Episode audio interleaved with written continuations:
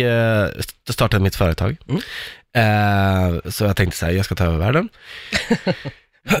Största företaget i världen skulle det bli. Eh, det blev det inte. Kanske, det gick åt helvete.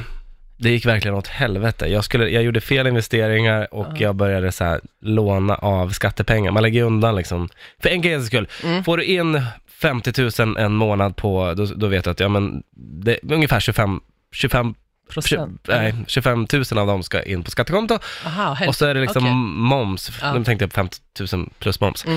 Eh, så allt det, så det, det är mycket som liksom försvinner in på ett konto som man ska spara då. Ja. Om man inte betalar in det till skattekontot direkt, Mm. vilket jag inte gjorde. Så jag bara, men lägger jag här i det här sparkontot. Alltså, Eller inte sparkonto, eller vanligt. Det var men var det att det var ett misstag eller tänkte du jag gör det sen? Eller var Ja men det är det började så här, man bara, fan man hade en dålig månad, Ja. hyran skulle betalas. Man bara, ja, ska jag, så här, ska jag bli vräkt eller ska jag ta lite av skattepengarna? Ja, jag tar lite av skattepengarna. eh, och så där höll jag på Mm. och tänkte att allting kommer att lösa sig.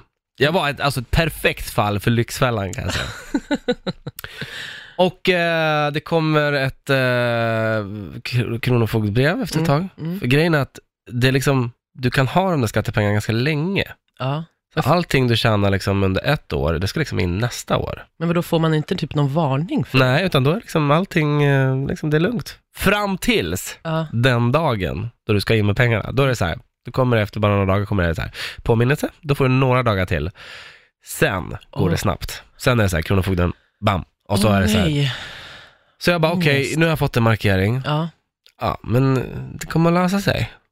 Ta med där, det är saftigt, Mm. det är ont alltså. Och jag tänkte så här, men jag kommer känna så här och så här mycket nu, då är det lugnt. Men du vet, jag var så jävla dålig så jag tänkte inte på alla utgifter jag också hade liksom. Ja. Så jag så här, minns jag så tydligt att eh, jag får ett brev. Mm. Det här är precis innan jag ska börja jobba då på en annan radiokanal här. Eh, får ett brev där de säger att eh, du, vi kommer att stänga ner ditt företag. Va?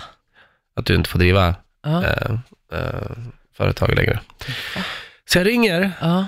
Eh, Skatteverket. Ja. Och de är jättetrevliga. Alltså, både de som jobbar på Kronofogden jättetrevliga, men det var alltså, Ja, Så inte jobbigt. Så trevliga. Ja, okej, nu, nu utgår jag Ja. från mig. Ja, okej. Eh, eh, du får berätta sen när vi var, hamnade där då. Eh, så vet du det, jag hamnade där och hon var supertrevlig och sa liksom, det här är nog kört. För du ska in med 200 000 kronor här inom väldigt kort. Åh, herregud. Och jag bara, alltså, vad ska jag göra, vad ska jag göra? De bara, nej men alltså du, mm. fick jag prata med en annan, fick en handläggare och han sa, okej du får sommaren på dig. Mhm. Eh, och, och så ringde pratade med Kronofogden också, så, liksom, så gjorde de, ja men okej, då vet jag att det är den dealen ni har, Mm. vi skriver det här. Eh, det kan bli en utmätning på din lägenhet ändå, alltså att de kommer hit och kollar på vad jag har för värdesaker. Ah, Jag okej, ägde om de ingen- ska ta, Ja, okej. Ja.